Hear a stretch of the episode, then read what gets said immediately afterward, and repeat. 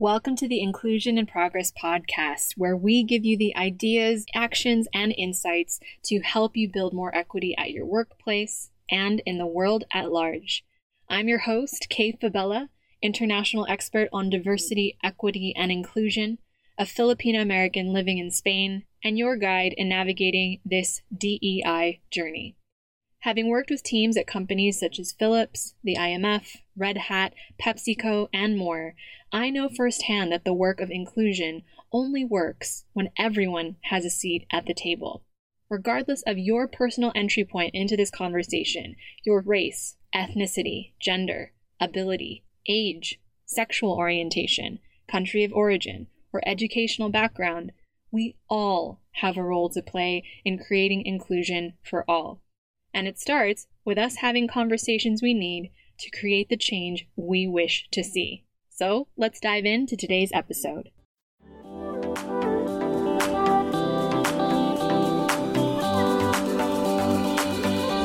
Hey, hey, hey, it's Kay here, and welcome back to Inclusion in Progress. So, first of all, I want to take a moment and say thank you if you're listening we're about to cross the threshold of 50 episodes next week and our first podcast anniversary. This show is now being listened to by those of you who are now across over 20 countries around the world. And it's been such a joy to watch how these episodes are resonating with you and how you're taking these conversations forward into your organizations. Team K and I are so thrilled and so very grateful. Now, I've been honest on the podcast and in interviews with others that launching Inclusion in Progress was a big milestone for me because for a long time I was hesitant to take up the DEI or Diversity, Equity, and Inclusion mantle when I saw so many incredible voices and thought leaders in this space even though I was equally passionate about this work and was flexing my muscles as a practitioner for years, this show has allowed me to channel many of the thoughts, insights, wisdom, and ideas I've been formulating for years and share it with all of you. And to receive feedback from so many of you week after week with your takeaways and gratitude really does mean the world to us.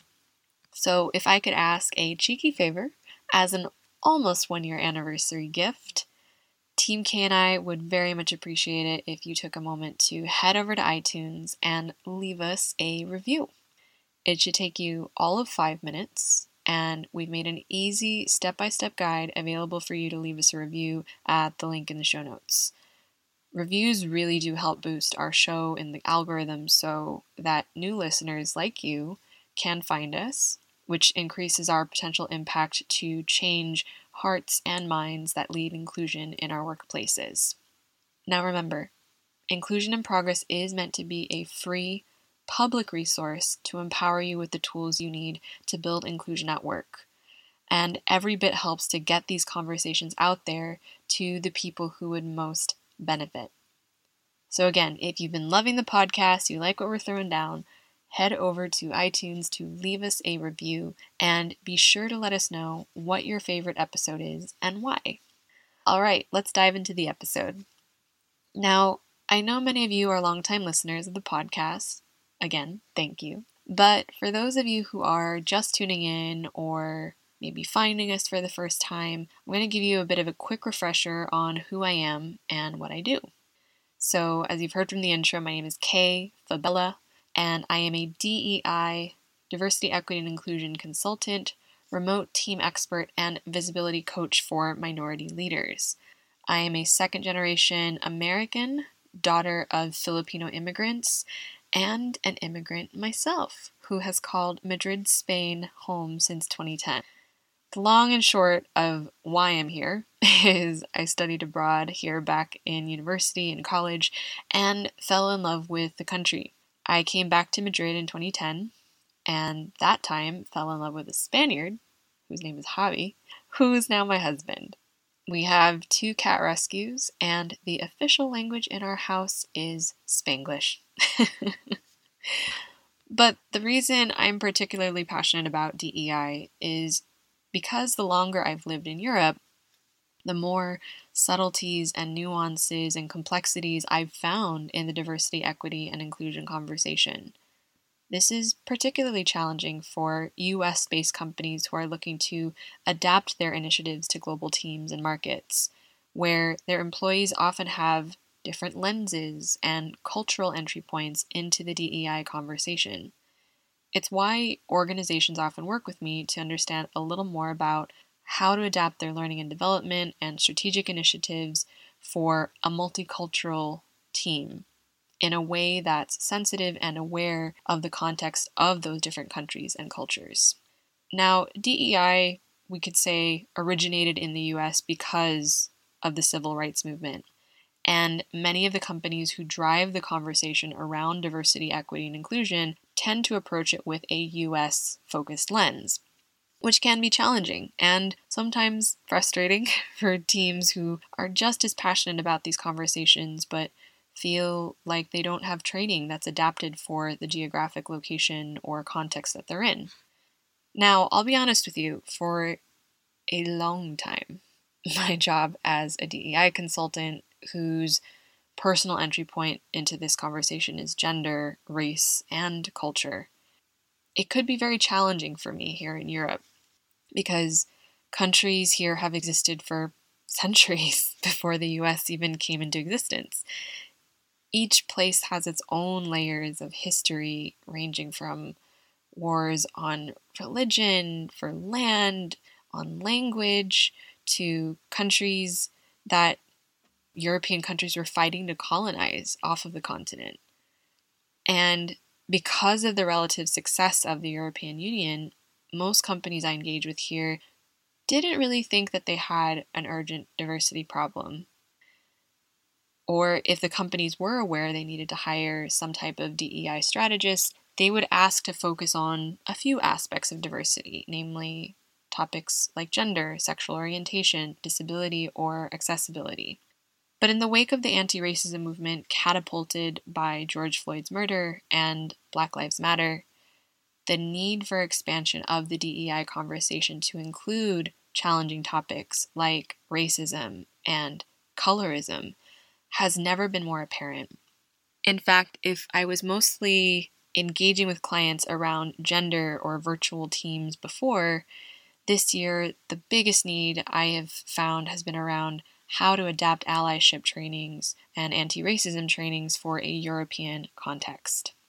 Now, before I dive into the differences I see between the DEI conversation in my birth country of the US and my adopted continent of Europe, I'm going to lay down a few caveats before anyone jumps down my throat, all right? Please remember that I am not going to be able to encapsulate everything in this episode. I can only make very, very, emphasis on very, broad generalizations about trends based on data, clients, and of course, anecdotal conversations I've engaged in here. I'm also doing my best constantly to continue studying data and history from my adopted country of Spain and other countries in Europe to stay humble in the presence of new knowledge about different cultural contexts and adapt it to my role as a trainer, facilitator, and strategist. Also, keep in mind, another caveat, that every country here is wildly different because of its history because of each of their histories. Not to mention that every company is different, even the same company between different offices in different geographical locations. But, all that said, I'll do my best to summarize three key differences I see between the US and Europe when it comes to the diversity, equity, and inclusion conversation. All right, so without further ado, let's dive in. So, the first thing that we found with the data is that when it comes to racial and ethnic diversity, many Europeans are less positive than Americans. This is really funny, actually. My husband once shared with me that happy movie ending with the perfectly wrapped up plot line, with the couple riding off into the sunset as the music swelled and the credits rolled, was what Spaniards call una Americanada, an Americanism or an Americanade, I guess, if you roughly translate it. And I like to believe that Europeans from countries that are more seasoned than our young nation would similarly point out that this unbridled optimism is very characteristic of the American culture, the American psyche.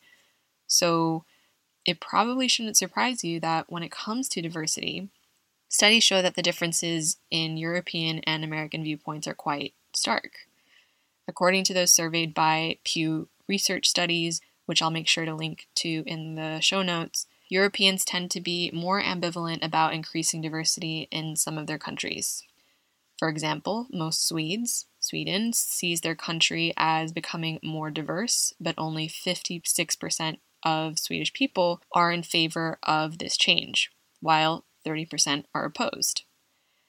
Attitudes in Greece about diversity are easily the most negative among all the countries that were surveyed by Pew, while most agree that their country has become less homogenous in recent years. Only 17% are in favor of this change, and 62% of Greeks are against it. A similar, though less stark, pattern can be seen in Italy.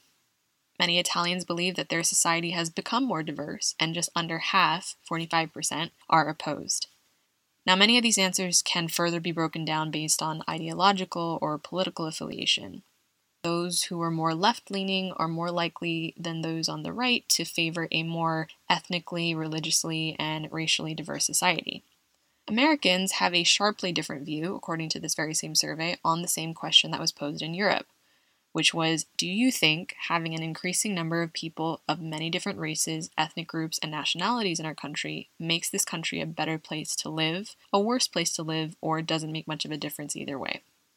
Now, about 6 in 10 Americans say increasing diversity makes the country a better place to live, 58%, compared with just 7% who say it makes the US a worse place to live, and 33% saying it doesn't make a difference either way.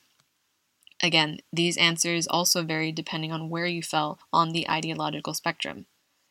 Does that mean that Europeans are actually less positive about diversity?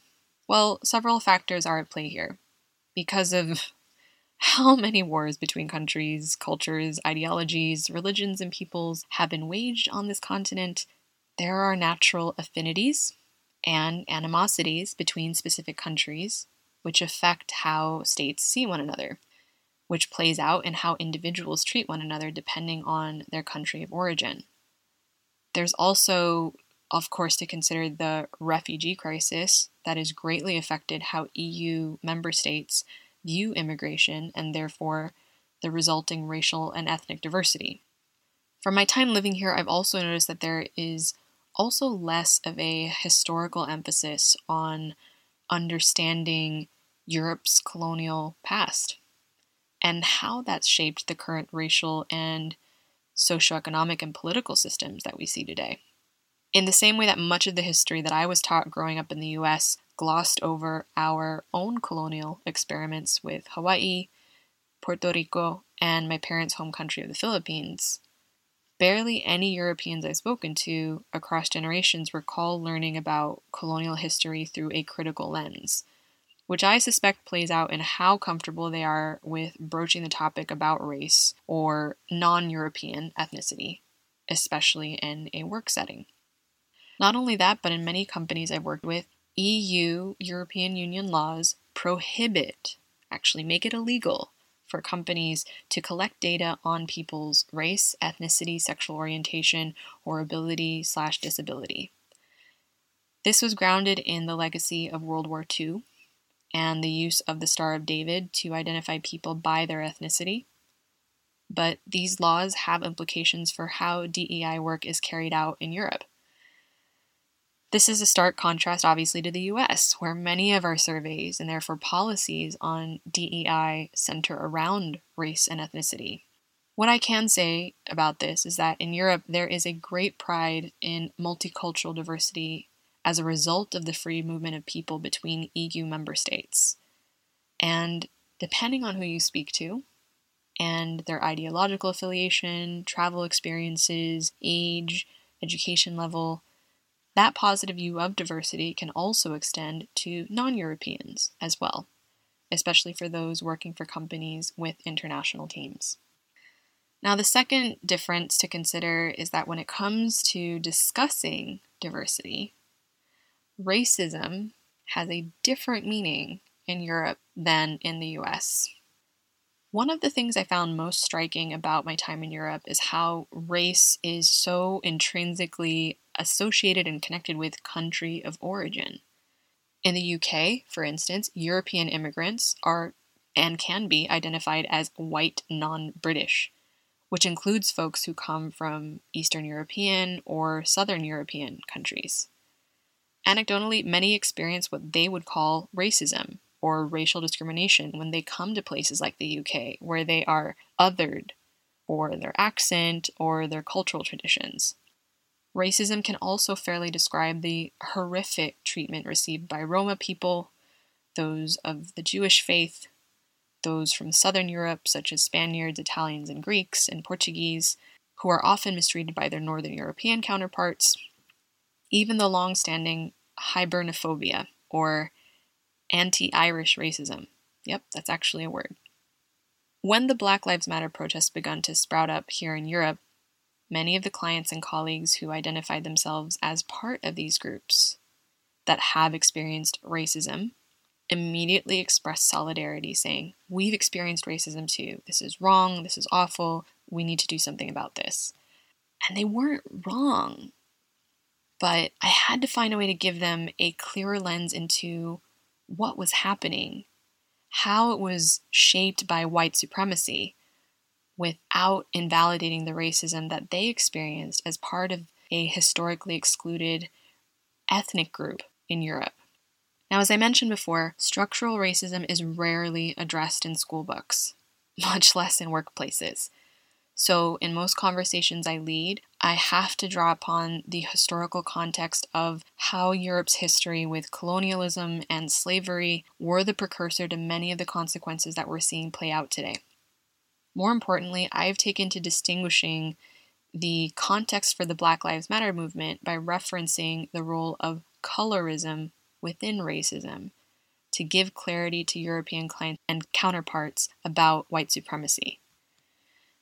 Now, I actually reference this historical context extensively in episode 31 of this podcast called Why It's So Hard to Talk About Race at Work, where I dive into how Spain, my adopted country, actually originated the very first version of codified racism in 1449 in Toledo, and how that idea of pure bloodedness would eventually be exported to the slave colonies in Africa, then to the Americas, and then copied by the British 200 years later.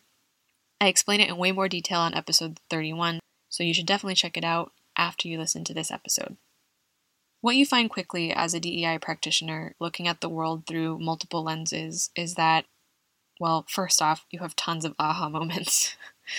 and secondly, you can't invalidate someone else's experiences because it clashes with your own especially when you're talking about long-standing cultural dynamics and differences that were passed down before your own birth country even existed.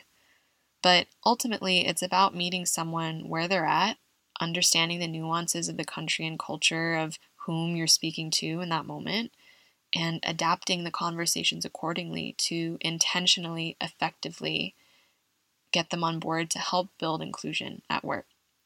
And if you are a US based company that's listening with a European office, or a European company looking to deepen your commitment to diversity, equity, and inclusion in 2021 in a way that addresses these subtleties and nuances with cultural agility, get in touch with me at the link in the show notes or go to kayfabella, that's K A Y F as in Frank, A B as in boy, E L L A dot com.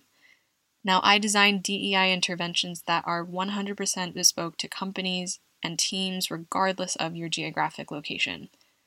Because the best strategies for building inclusion at work require an understanding of the complex cultural nuances, adaptation to those nuances, and of course, ongoing support as you roll out these solutions to your teams. Now, we're fully booked for 2020 at the time of this recording, but we have started confirming client engagements for Q1 in 2021. So, to learn more about specific ways I can help you, get in touch with me at the link in the show notes or kayfabella.com.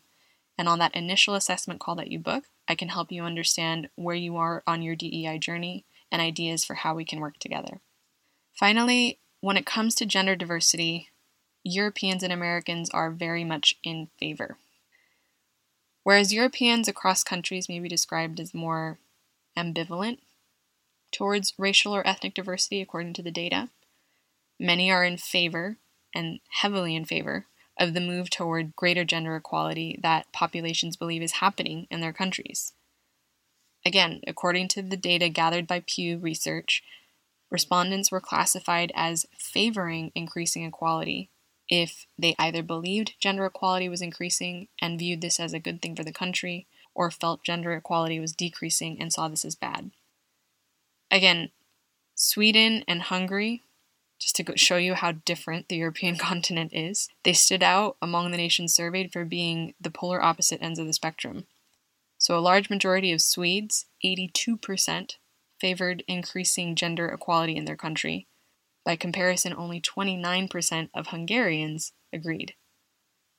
Now, this is relatively low in part because of the large number of Hungarians who say there has been no change in their country around gender equality, 46%, which does not allow us to categorize their view of changing gender equality, but almost 2 in 10 oppose increasing gender equality in their society in Hungary, which is one of the highest shares among the countries surveyed. Now, this also varies depending on age. So, answers of younger adults are more likely to favor increasing gender equality than adults ages 50 and older. In Greece, for example, 71% of people ages 18 to 29 approve of greater gender equality in their society, compared with 49% of people 50 and older. Now, alongside these shifts in cultural attitudes, the majority of visible DEI initiatives in European based companies and offices have traditionally focused on gender equality. European countries tend to have a more favorable maternity leave and return policies for new mothers than the US, Many countries also extend this parental leave to fathers to help share caregiving duties for heterosexual couples. Company wide awareness events for International Women's Day, mentorship and sponsorship opportunities for women, and partnering with initiatives like Girls Who Code are popular amongst Europe based offices and organizations looking to work to close the gender gap. In fact, the majority of client engagements I've had on the European continent, from DEI strategy to keynotes to workshops, have primarily been focused on gender equity at work.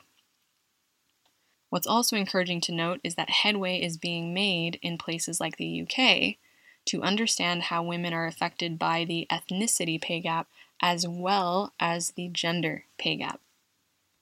Against the backdrop of a pandemic that has particularly impacted women, especially women of color, it's imperative that these types of initiatives continue more importantly, for both European and American conversations around DEI, the need for intersectionality within gender equity for women from different racial and ethnic backgrounds is imperative. And it's my sincere hope that with the anti racism movement and the renewed conversation on DEI from the US, challenging company cultures around the world, that these types of conversations be expanded to Europe and, of course, other regions as well. The more that I've spoken with people here, the more interested and genuinely engaged people are, and the hungrier I've seen them become for more guidance on how to lead more inclusively and create equity at work, which I'll definitely take as a positive thing. So, there you have it three key areas I see between the DEI conversation in Europe, where I live, versus in the US, where I was born and raised. First, the differences in how Europeans and Americans feel and talk about racial and ethnic diversity. The second is the differences in how Europeans and Americans define racism and talk about race. And the third is the differences in how Europeans and Americans talk about and feel about gender equity at work. So it's important for my US based listeners to remember that there are subtle but increasingly important distinctions to help frame the conversation on diversity, equity, and inclusion effectively for multicultural teams. There is no one right way or one right lens. It's also important for my European or international listeners to remember that, again, these are very broad, complex topics that require leaning into discomfort and a curiosity to engage in history you may not have been taught, and then verify the information you find. These are just a few reference points and ideas to get you started, but it's up to you to decide what you do with this information and how you will use it to build inclusion for others at work, regardless of country, culture, background, race, ethnicity, etc. And if you need more support in leading these conversations, I design DEI interventions that are 100% bespoke to companies to help you go from idea to implementation. Now, we're already taking on client engagements for 2021 to meet the growing demand for diversity, equity, and inclusion solutions, whether it's through keynotes, bespoke workshops, listening circles, detailed assessments to build your multi year DEI strategies across global teams and beyond. We will come up with a solution that's the best fit for you. So, to learn more about specific ways I can help you, get in touch at the link in the show notes or go to kayfabella.com. And on our initial assessment call, I can help you understand where you are in your journey and give you some specific ideas for how we can work together in the coming year. Last but not least, if you are an aspiring inclusion leader or ERG leader in your organization, please reach out to us directly at info at kayfabella.com. We're in the process of putting together an initiative to support and connect other inclusion minded leaders in Q4 2020. So, to help you build a network of leaders that you can lean on, learn from, and gain support from. We'd love to have you participate and let you know more as soon as we finalize dates and details. So, again, if you are an aspiring ERG or inclusion leader at work, send us an email to info at kayfabella.com and be sure to write ERG leader in the subject line of your email so we know that you listened to this episode. Now, thank you again so much for tuning in, and I will see you back here next week for another episode of Inclusion in Progress.